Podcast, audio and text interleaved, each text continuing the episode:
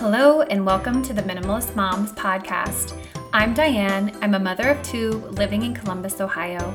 I'm trying to make room in my life for what matters by getting rid of the clutter and living life with purpose. I hope you'll join me on the journey to think more and do with less. This week, I am thrilled to bring you best selling author Gretchen Rubin. In her latest book, Outer Order, Inner Calm, Gretchen explores the relationship between our physical and mental space outside order creating an inner calmness. Throughout her career, Gretchen has written on the pursuit of happiness and how one can get there based upon personality traits or just practical tips suited towards one's environment. Gretchen's new book is a wonderful resource for those who aren't quite sure where to begin, but it's also full of helpful tips I hadn't ever thought of when decluttering my home. Before we get into the interview with Gretchen, I wanted to share a review from iTunes from CCD and then there's several numbers after it, but you know who you are. This mama says, A mom who's real. I enjoy Diane's messages and interviews as they are always practical. When she's speaking, it makes me feel like she just gets it. Being a mom is hard work, but being a mom with clutter in our life is even harder. Thanks for all that you do. And thanks for you guys that have reached out and given reviews on iTunes or just given me encouragement on Instagram. It just means so much to me as this has been, as I've said, a labor of love. So if you haven't yet gotten over to iTunes to leave a rating and review, I would so appreciate that because it helps other moms find this podcast and it allows for me to bring you even greater content with people finding the podcast through that platform. So, without further ado, I bring you the interview with Gretchen.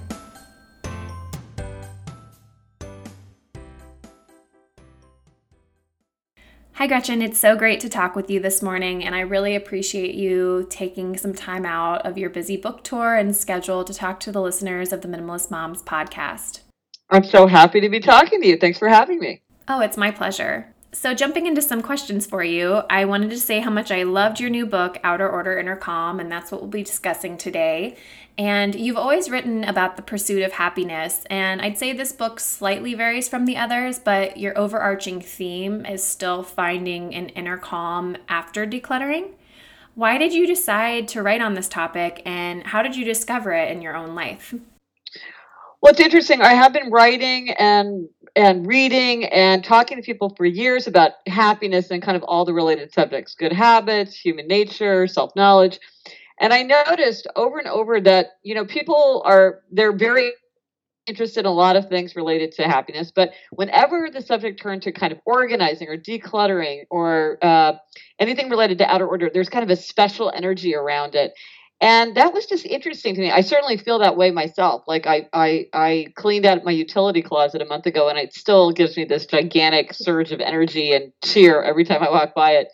Um and so and i know that a lot of people feel the same way. So i just i wanted to understand what that connection is about. And then given that so many people feel this way how do we create outer order and then how do we maintain it which is kind of a separate thing? And to me it seems very related to happiness because you know, some people are like my sister on the I have a podcast, Happier with Gretchen Rubin, and my co-host is my sister. And my sister is one of these people who's truly clutter blind. She just doesn't see it. Like she doesn't care, it doesn't drain her, it doesn't overwhelm her.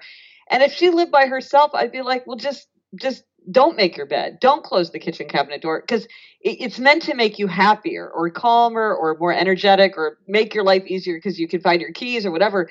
But if you really don't care, if you really don't care if you make your bed, then there's no reason to do it. It's meant to make you happier. So this is all in the service of of having the life that we want. But the fact is, for most people, uh, they do feel happier and more organized and more focused and more energetic when they get rid of all the the stuff that's kind of clogging their view. Oh, absolutely. I can definitely see the difference in my happiness when I have things that are more organized and tidy in my space.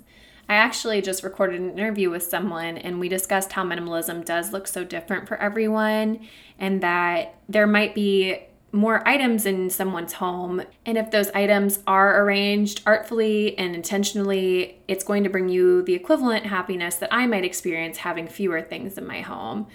I think my approach is just to get rid of the excess and whatever is superfluous and that is just going to look so different for everyone. Do you think that people have a greater interest in minimalism and decluttering and organization these days? You know, I think they do, and I think there's sort of a, a, several things that are coming together. Um, one is that I think people feel very overwhelmed by the world. They feel like stuff is coming at them. There's so much to process. There's a lot of uncertainty. There's just like people feel um, like they kind of can't manage it. And so I think they're seeking equilibrium by trying to control what they can't control. So it's like I can't control the news, but I can control my car. And so it's a way to try to create outer order in our surroundings as a way to bring ourselves more peace of mind you know that's not strictly rational but people do say i feel like i've got control of my stuff now i feel like i have more control of my life um, and so i think part of it is a reaction to kind of the world but then i think there's also demographic pressure that's happening there are a lot of people right now and i certainly have talked to a bunch of people like this as i've done my book tour where it's like they have children themselves so they're kind of in the season of stuff in terms of like okay they've got kids but then they're also managing um, from above. So it's like you've got parents or in laws who are downsizing or dying, and their stuff is coming down too and needs to be figured out what to do with it. Because, okay, what do we do with your piano? Okay, you have this giant wooden hutch, china hutch that you love. What happens to it now? We have 50 albums of family photographs of people nobody living now recognizes what do you do with that? Um, and so these are questions that are tricky and are are coming to people. So I think there is a lot of sort of like I need help um, figuring out how to think about what do I keep, what do I relinquish, what do I give away, what do I recycle, what do I toss, what do I shred. Um, how do I think about that? I agree with you. I definitely don't think that it's a trend, but people are really catching on to this better way to live, quote unquote. Um, I think that previous generations were just so concerned with the need to conserve, especially when considering Great Depression era individuals. But I feel like nowadays, fewer things means less stress. And baby boomers just seem to maintain the mentality that their parents passed down in believing to save things just in case. Well, I think we're also reacting to the fact that thing, many things are much less expensive than they used to be. So clothes used to be very, very expensive. They were huge percentages of people's yearly budgets. So people didn't have that much clo- many clothes. So you you know it's like you wore what you wore, mm-hmm. and but now clothes have gotten so inexpensive that people just buy things kind of willy nilly and and then you've got to manage it um, and so part of it is that there's just so many or you know you go to the store and there's all these things that oh this looks like this will be so handy i should just pick this up and oh, this will be useful or this is cute this would make a good gift you know and then it's it's just so easy to get it that um, we're not as thoughtful because it just it's it's because it's it's inexpensive. I mean, I believe there are various reasons as to why people are adding things into their homes, but personality seems to be a huge factor in one's ability to declutter and minimize. And you actually wrote a book a couple of years back called The Four Tendencies, which you examine personality types and how they affect our lives. I could go through the four tendencies um, if you. Yeah, if you I would. I would love for you to. For anyone oh. that hasn't read that book. Okay, great. Yeah. Well, so the four tendencies is a personality framework that I did I invent it? Did I discover it? I think I discovered it. It seems like it's very clear that it's out in the world. I didn't come up with it. Um, that divides people into four categories upholders, questioners, obligers, and rebels. And I will briefly describe it, and most people can tell what they are from a brief description. But there is a quiz on my site. If you go to quiz.gretchenrubin.com, you can take this free quiz. Two million people have taken it. It's quick, it's free. Uh, but like I say, a lot of people don't need the quiz to give them an answer and a little report. They get it. Mm-hmm. So it has to do with how you respond to expectations. And we all face two kinds of expectations outer expectations, like a work deadline or a request from a friend, or inner expectations, like my own desire to keep a New Year's resolution, my own desire to go through my clothes closet and weed it out. Um, so, depending on how you respond to outer and inner, that makes you an upholder, a questioner, an obliger, a rebel. So, upholders readily meet outer and inner expectations. They meet the work deadline, they keep the New Year's resolution without much fuss. They want to know what other people expect from them, but their expectations for themselves are just as important. And their motto is discipline is my freedom. Then there are questioners. Questioners question all expectations. They'll do something if they think it makes sense. They resist anything arbitrary, ineffective, unjustified. They're making everything an inner expectation. If it meets their inner standard, they will do it no problem. If it fails their inner standard, they will push back. Um, and their motto is, I'll comply if you convince me why. Then there are obligers. Obligers readily meet outer expectations, but they struggle to meet inner expectations. Um, and I got my first insight into this tendency when a friend said, I don't understand it. When I was in high school, I was on the track team and I never missed track practice. So why can't I go running now? Well, when she had a team and a coach expecting her to show up, no problem. But when she's trying to go just on her own, it's a struggle. Uh, obligers need outer accountability, even for inner expectations. And their motto is, You can count on me, and I'm counting on you to count on me. And then finally, rebels. Rebels resist all expectations, outer and inner alike. They want to do what they want to do in their own way, in their own time. They can do anything they want to do, they can do anything they choose. Um, but if you ask or tell them to do something, they're very likely to resist. And typically, they don't even tell themselves what to do. Like, they won't go to a 10 a.m. Saturday spin class because they just, on Saturday, they just want to wake up and do what they feel like. They don't like being locked into a class. Um, and their motto is, You can't make me, and neither can I. So those are the four tendencies. I've taken the quiz and I'm most definitely a questioner, and I've seen how that's played into various frustrations or conflicts in life, but also once it's explained, mostly to my husband, that we've been able to really work through some of the problems we had in early marriage, what the expectations look like for both of us. Yeah, and it comes up a lot, like with outer order, because okay, let's say a questioner. So you're a questioner. So if we were married and I said to you, "Oh my gosh, we have to clean out the basement this weekend, Saturday morning, first thing, we're going to get up and clean out the basement," you might say, "Why? I'm not going to do that. That's totally arbitrary. Why are we doing it on Saturday? Why are we doing it this weekend? Why are we cleaning out the basement? We never use the basement. Like the whole thing just seems like completely like nonsensical to me. Why would we do that? But if you say to somebody, "Hey, listen." The repair people are coming on Monday to fix the boiler. And if we clean out the basement, they'll be able to get in and get out, and we will keep the cost low. If those folks are digging their way through all our junk, we're going to be paying for that time. Let's clean it out this weekend. We've been meaning to do it anyway. Let's go ahead and get it done, and we'll keep the cost down. It's like, okay, I see why we're doing it this Saturday. I see why you're thinking it should be done this makes good sense to me. I will cooperate. You know, with an obliger, it's like, oh, the repair people are coming. We have to clean it out because somebody's going to be walking through our basement. Like, or it could be my mother in law, or it could be a friend, or it could be my duty to my future self. I mean, Rebels, it's like, this is what you want. Like, do you want to have the basement cleaned out? Maybe you're going to make it into like a music area down there. That would be awesome. You want that. Mm-hmm. Uh, but, you know, so you have to appeal to the tendency value reframing the way that we communicate in any relationship can be so crucial to our conversation. I feel like knowing the value of persuasion can really aid in those difficult conversations for sure. So, this is a motherhood podcast. And as mothers, what would you say are a couple of action steps we could take to keep up with regular clutter so that our spaces maintain a sense of tidiness and order? Yeah, this is really hard because a lot of people are like, I'm working, I'm taking care of kids. Like, it's very, like, I need things that I can do without a lot of time, energy, or money. Um, one really good uh, strategy is use the one minute rule. So anything that you can do in less than a minute, do without delay. So if you can hang up your coat instead of throwing it over a chair, if you can rip open a letter, scan it, see that you don't need it, throw it in the recycling.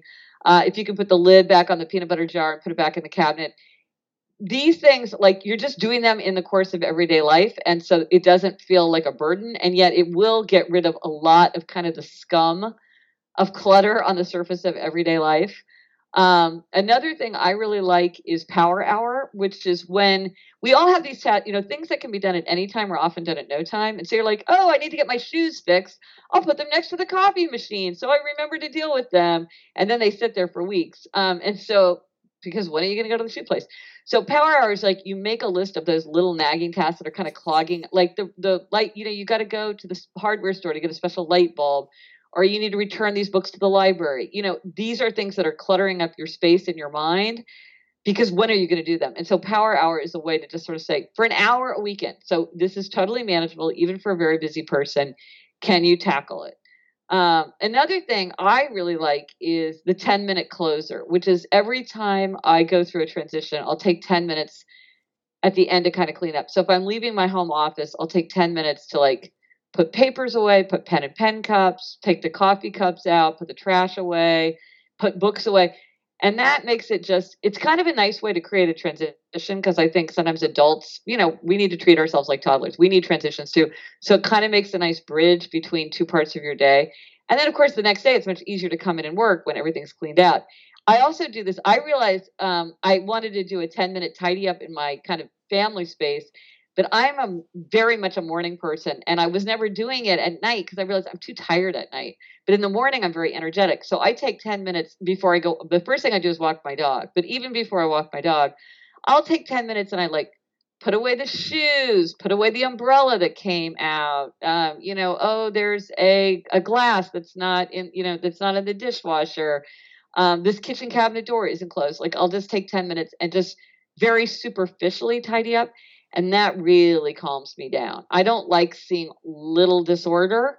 Um, and I think a lot of people are that way. It's just it, it, then how your home doesn't feel restful doesn't feel like a sanctuary because you just feel everywhere you look, you're like, oh, I should do that. I should do that. Oh, the dog toy's out. Oh, I got to put that away. Oh, that towel needs to go into the dish, into the laundry. You know, when you can kind of clear these things out, you feel much calmer. At least I do. Oh, I absolutely do too.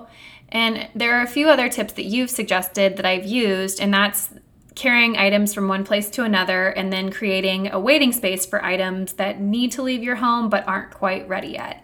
Yeah, because it turns out that one of the re- one of the reasons that people have clutter is that things serve as reminders. So you leave something out because you're like, it needs to go to the shoe place. I need to drop this off at school. I, you know, and so, but then it's just creating all this disorder while you're waiting. And sometimes, it, you know, it's a long time before you you take your necklace to be fixed. And so, if it's a waiting place, then you know you won't forget because you check it but it's then it's not out kind of creating disorder in your normal space. Oh, I'm so glad to hear that those work for you. That's great. One that I really love, it's huge for me um, in traveling, is the bowl of requirement, um, which I was inspired by the room of requirement in Harry Potter. I'm a huge Harry Potter fan. Um, so if you are like me, when we travel, people are constantly losing things. And I think it much more than we do at home. And I think it's because things don't have a regular place to go to. You don't have a place that you put your sunglasses. You don't have a place that you put your keys. You don't have a because because every because you're in a new place.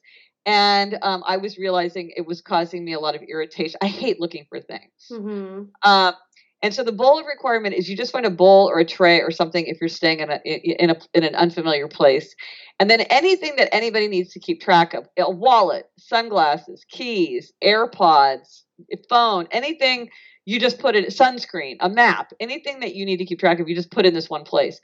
And so, and then if you see something kind of randomly, like, why are these sunglasses at the top on the top shelf of a closet? That doesn't make sense. You're like, okay, let me put them in the bowl of requirement. And um, at least in my family, people really get trained to do that. It just makes sense. It's like, where do I put my room key? Oh, I'll put it in the bowl. And then you just you can find things so much more easily. And so it just brings down that irritation um, that comes from being in a place where you don't have your usual positions where things go. It's so funny that you mentioned that one because I actually screen I took a picture on my phone and sent that to my husband because he's constantly losing his keys and wallet and glasses in the morning and I'm like we need Marty's bowl of requirement and we're just going to yeah. put it on the top of the refrigerator and that way you won't be searching for these things. It's almost every day. And I I don't want to nag and I don't want to try and force him into something but i'm like if you see this and when you come right through the door like hopefully we can get you in a habit to where this will be beneficial to you. But so here's something i have not used this but many of the happier podcast listeners have mentioned it. It's the tile app. And Ooh. apparently what you do is it gives you like a little thing that you would stick on your keys or your phone or whatever. And then uh, you can use an app on your phone so that it will ring uh, if you can't find it. So it's a way of having it's like kind of like find my phone um, with anything. Uh, somebody said they did it with their cat. Oh um, and so that's a way that you don't have to fix your husband and retrain him. You just get these things, and apparently they're they're quite inexpensive. And then it's just like you just can track them down wherever they are in the house. So you might think about that. Again, I have not used this, but many people have told me that that works really well for kind of a chronic loser of stuff. Because some of those people just you're like how hard can it be and yet they don't do it you know what i mean and you're like okay mm-hmm. well this is the this is the person i married um and i don't want to spend the next 30 years helping this person find their keys um, yeah. Um, so that's that's something to think about. He's a teacher, and I think his organization is in different areas, and he has to be so organized on the daily that these other little things just kind of slip through the wayside. So, but I just think that's how people work, though. Really, do you? You do think that's how people work? I don't. I don't. I don't. I don't think people pick and choose like that. I mean, I don't. I'm just trying to give him the benefit of the doubt or an out. But yeah, I, I I don't know. I, I, I agree with you, especially after reading the four tendencies. I do think that we are more suited towards a certain type of behavior, but it just doesn't make sense to me then why you could be so organized in one part of your life and then not in others. Well, if he's an obliger, it would make sense that at school he's mm. really doing it, mm. but at home, because for obligers of spouses uh, and sweethearts don't make good accountability partners because they count as inner. So it's like, I'm going to ignore you just like I'd ignore me. So it's out of love that someone doesn't count as outer expectation. I'm just guessing, but that's like one thing that can come up. It's like, and the fact is, if you're helping them look for it, it's like fun. Hmm. You know what I mean? Because it's like, oh, well, it's not that big a deal for me to lose my keys. So one thing to do is say, well, I'm not going to help you look. Um, that's pretty draconian, and a lot of people feel like that would not be a helpful stance in a married couple because you want to be helpful, and also you don't want your spouse to be late for work and all that. Uh, but for somebody who's really struggling with it, again, I always think like it's hard to change a person. It's much easier to change surroundings and circumstances. And so for some people having a bowl, they're like, I'll put it in the bowl. But there's a lot of people who won't put it in the bowl. I don't get it, but uh, over and over and over I hear that this is a thing. And so something like the Tile app um, is a way that you don't have to change the person. You just give them a tool so that it doesn't matter if they are kind of inconsistent about where they put their keys because you can just find it it's very hard to change people. Mm-hmm. The only person we can change is ourselves, and it's hard to change ourselves. But then it's very it's very hard to change other people. No, you may uh, have just um, saved a lot of our arguments. I may I need so. I need him to take this quiz now. I, I, that would make a lot of sense if he is an obliger and holds to that outer accountability as opposed to inner. So going back to talking about motherhood and how we can take these action steps that you mentioned, do you think that there is just such a thing as just this is the season that I'm in. Like, tis the yeah. season. Yes, I absolutely think that. And I think that's a really helpful thing for people to remember that this is a stage of life. You're in the season of stuff. It will change. And I can tell you from my own personal experience, I mean, for years, it just bugged me visually that we had a giant plastic slide in our kitchen and then the day came when we got rid of the giant plastic slide. And now I'm so nostalgic and I'm like, oh, remember the days when we had the giant plastic slide. So you will, there will, be a day when there will not be Legos for you to step on in your bare feet and like hobble down the hallway. And you will be like, I cannot wait for that day. But then there will come a day when you get teary eyed when you think about the fact that there are no more Legos on your on your carpet. So I think it is just to remember the days are long, but the years are short, and every and and and new kinds of clutter come, and can be annoying in their own way. Um, but things change, and and and these are these are absolutely seasons um, that we want to enjoy for what they are, you mm-hmm. know, and kind of embrace what they are. Yeah, and then I really like how you say it's easier to keep up than catch up, and I think that yeah. that's something that we have to remember as moms too. As a, if we're doing those one minute a days or one minute every time that we are changing clothes, that's going to be so much easier just to hang our shirt back up than that pile yeah. of laundry that you have to clean up and sort out. Like yeah, and I think for a, a lot of people, what what happens is they get behind in some kind of major way, like they have a baby and move or they have a baby and start a new job or something like that and then kind of they never quite catch up because it's like oh i'm so overwhelmed i don't have time to unpack those boxes and so then this feeling of disorder builds and builds and so again just cut yourself some slack and be like i just moved and had a baby in the same year like mm-hmm. it's going to take a while um because I think that can be very that can be very difficult. Or like you deal with the big family thing where it's like taking up a huge amount of your bandwidth. Well, this, is you, you know that happens and you kind of have to manage that as it's as it's unfolding. Um, and then you'll catch up when you can catch up. No that makes a lot of sense. I think that a lot of moms too talking about once they've once the season is over and they are looking to clear some of the clutter out they are concerned about parting with items with sentimental value. So, how would you say one could make choices to pare down these items? Like, not even just at the end of when your kid's going to college, but as they're moving through these seasons of childhood to adolescence? Well, for sure, it's better to do it as you go because otherwise, it's going to be this just gigantic task. So, really, you really want to develop systems as you go because that'll make life so much easier. Um, one of the things to remember is it's just easier to keep everything than to make decisions. That's decision fatigue, and yet that is not good for anyone. And and I think sometimes people want to say get rid of everything. It's the past. Take a picture of it and move on. Things don't matter. To me, this is not the common experience of mankind. Um, we uh, things are precious to us because they hold the memories of our past, uh, identity of the people that we love. Um, it allows us to project our identity into our surroundings. Um, they remind us of people and activity and places that uh, we want to be reminded of. But it's what's helpful, I think, to remember is that mementos do their work best when they are few in number and highly curated. So imagine that you have a second grader, or imagine that you have a high school senior. Imagine that you have some kid that's graduating from college. And in the basement, you have four boxes of every piece of paper that child brought home from kindergarten. Is that fun for anyone? Are you going to look through that? Is he going to look through that?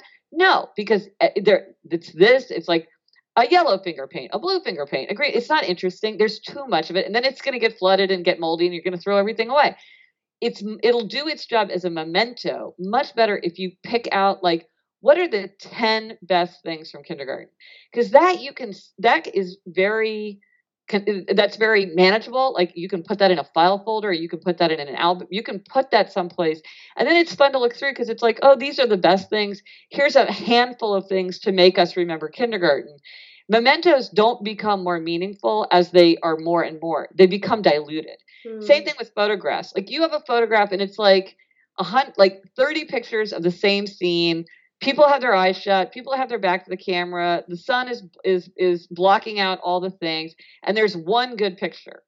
It's like get the one good picture because if you have a if you have a box full of all great pictures people can like it's thanksgiving let's look at the pictures and we can go through that and have fun with it. If it's just so many mediocre pictures it's too much. And so it's overwhelming and then it's and it's diluted and there's it's not high value. So I'm all for mementos. I also believe in taking pictures. I think that can be great for certain kinds of things. I think it's great, but I think you really do want to pick carefully and not get into that thing where everything my and I know that feeling. I've had that feeling. Every every toy my children played with is precious to me. But uh, that's not fun for anyone. I don't want a hundred stuffed animals for the rest of my life. You know what I mean? We got to pick mm-hmm. out a couple of, that were the best or the most memorable and then they can stand for the rest. I'll take a picture of all the rest, and we'll look at the pictures. And but then we have a you know the ones that really matter. I still have my teddy bear and my doll from childhood. They're sitting on my on my library shelf um, because they're so precious to me. But I don't need everything I ever played with. Mm-hmm. I always tell my daughter, she'll say, "But that's special to me. That one's special to me." And I'm like, if they're all the most special to you, then none of them are really special because you're giving them equal value. So I yeah. completely agree with that. Well, I have loved this. This has been wonderful. And I have been closing out my podcast with two questions that I ask all of my guests. What is something that you are simplifying right now, aka what is your minimalist moment of the week? I am really I always go to the library, but now I'm really really using the library. Like I almost never will buy a book if I can get it from the library because I just realize that's just a way for I because I do read a lot and um and often now if I really like something I'll buy it after I read it from the library, but I won't like err on the side of buying it. Mm-hmm. As a writer, I shouldn't say that because everybody should go out and buy books all the time. uh, but I do, I do, and I read a lot of like weird things that like I have to buy used anyway because they're not print. And but I'm like, oh, you know, I just then I have to deal with them, and so that's one of the things I'm doing. I'm at the library probably three times a week. So I am on board with the library. It's so fun with the li- the library. Oh my gosh, it's like the greatest resource of all time. How well, I love libraries. I do have a question for you. So, do you still get nonfiction books at the library? I do, unless I think a book is going to be really important for me as a source for my for a book okay. that I'm writing for that, I really do have to kind of keep a library because I will so often go back and look something up. And so I want the copy that I read, and I also want to be able to mark it up. So if something is very uh, related to a subject, then I will buy it because, um, but like I, one of the things I'm doing on the on the Happier podcast, we talked about doing 19 for 2019. It's 19 things we want to do in 2019. Mm-hmm. One of the things I'm doing is the Summer of Proust. I've never read. I've only read. I read like one volume of Proust like when I was like a sophomore in college. I'm like, mm-hmm. okay, I mm-hmm. really need to read Proust. This is the Summer of Proust, and I really debated should I buy Proust because it's this whole thing? I'm having the summer of Proust, and I love the idea of going out and buying all this Proust. Then I'm like, yeah, why don't I wait and see how I feel about Proust? And then, like, if I love it, I'll buy it and have it. And if I'm like, yeah, maybe this was a misguided undertaking, then I won't have like filled filled half a shelf um, with a you know Proust. I agree. I asked you that just because that's the one thing that I really try not to spend money on are, are, books, but I do want to support authors because I love to read so much and hope to publish at some point myself. But yeah, the I pretty much only buy nonfiction if I know I'm going to be highlighting and underlining a lot. So the thing I feel like is that going to the library makes you read more, and I think probably on balance, people who go to the library buy more books because they're just in that mode of reading and buying. Mm-hmm. Um, so I'm always like, I think zero sum probably it's good for writers, even writers who are trying to sell their books. If people would go to the library, I think it just it just wakes that desire in you in a way that ends up um, but I like to. I also I'll judge a book by its title. I'll judge a book by its cover. I will check out any. I love how promiscuous you can be in, in a library. You're like, that looks cool. I'll just check that out. And then you know a lot of things. I just like I read ten pages. I'm like, no, this is a bad idea, mm-hmm. which I can't mm-hmm. do if I'm buying. I can't take those risks because like who wants to spend the money mm-hmm. um, on something just kind of on a whim? But I can be whimsical in the library.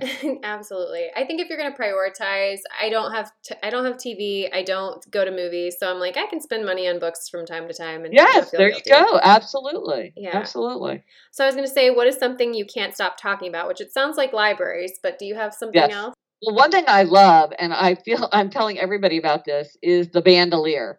Um, this is, a, and I think it's great for like moms who are like have a million things going on, especially if you're traveling. Uh, so Bandolier is this is like a brand name, but then and Etsy and things there are people who make these that are not Bandolier brand, but it's a phone case that has a strap around it so you can wear it crossbody. Ooh. And what I love about it is that I have a deathly fear of leaving my phone behind. And like I realized like I'd be in an airport and I'd need to pull out my phone to show my boarding pass, but then I would also need that I'd have to put it away and then I would like go buy a pack of gum and like I'm going to the ladies' room. Like it just felt like there's so many opportunities to put it down and lose it. Or, you know, just you're just busy, you've got a lot of things going on and you kind of need need to get to your phone frequently. Um, this way it's just around your it's just right there. And so you can get it. And it also has like a little pouch so you can put in like a Metro card or a credit card or like 20 bucks if you want to have like always have a little cash on you, which I'm a big fan of.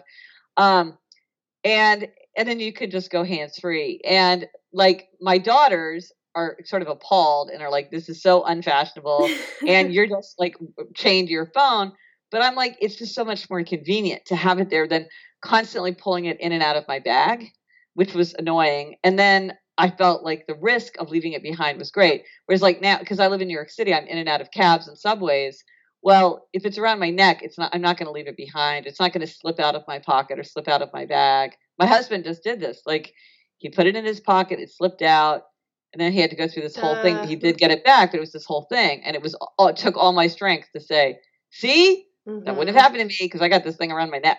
No, that makes a lot of sense. I just Googled what they look like, and it looks like the actual bandolier, if there's a specific brand, you can actually even have your phone in there and still take pictures while it's in there. Yeah, yeah, you yeah, you just use it. Yeah, yeah, yeah you you can use the whole thing. Oh, it's all so it's convenient. Well, Gretchen, thank you so much for coming on the podcast today. I know that you have such a busy schedule with your book tour and everything else that's going on, so I really appreciate you taking the time out to talk with us. So fun to talk to you. Thanks for having me. Thank you again to Gretchen for joining me on the Minimalist Moms podcast today. I hope this conversation was insightful to you as you are in the process of finding inner calm through minimalism, or if you're just in the beginning of your minimalist journey. I so appreciate her little nuggets of wisdom she shares, like implementing a one minute rule or having a power hour throughout your week. I think that's really beneficial for moms who are wanting to maintain the tidy, not becoming overwhelmed with the buildup. I invite you to keep the conversation going by visiting minimalistmomspodcast.com. There, you'll find the links to the Facebook page, Instagram account, and where you can find me all around the web. Thank you for joining up on this journey, and I wish you a lovely week as you think more and do with less.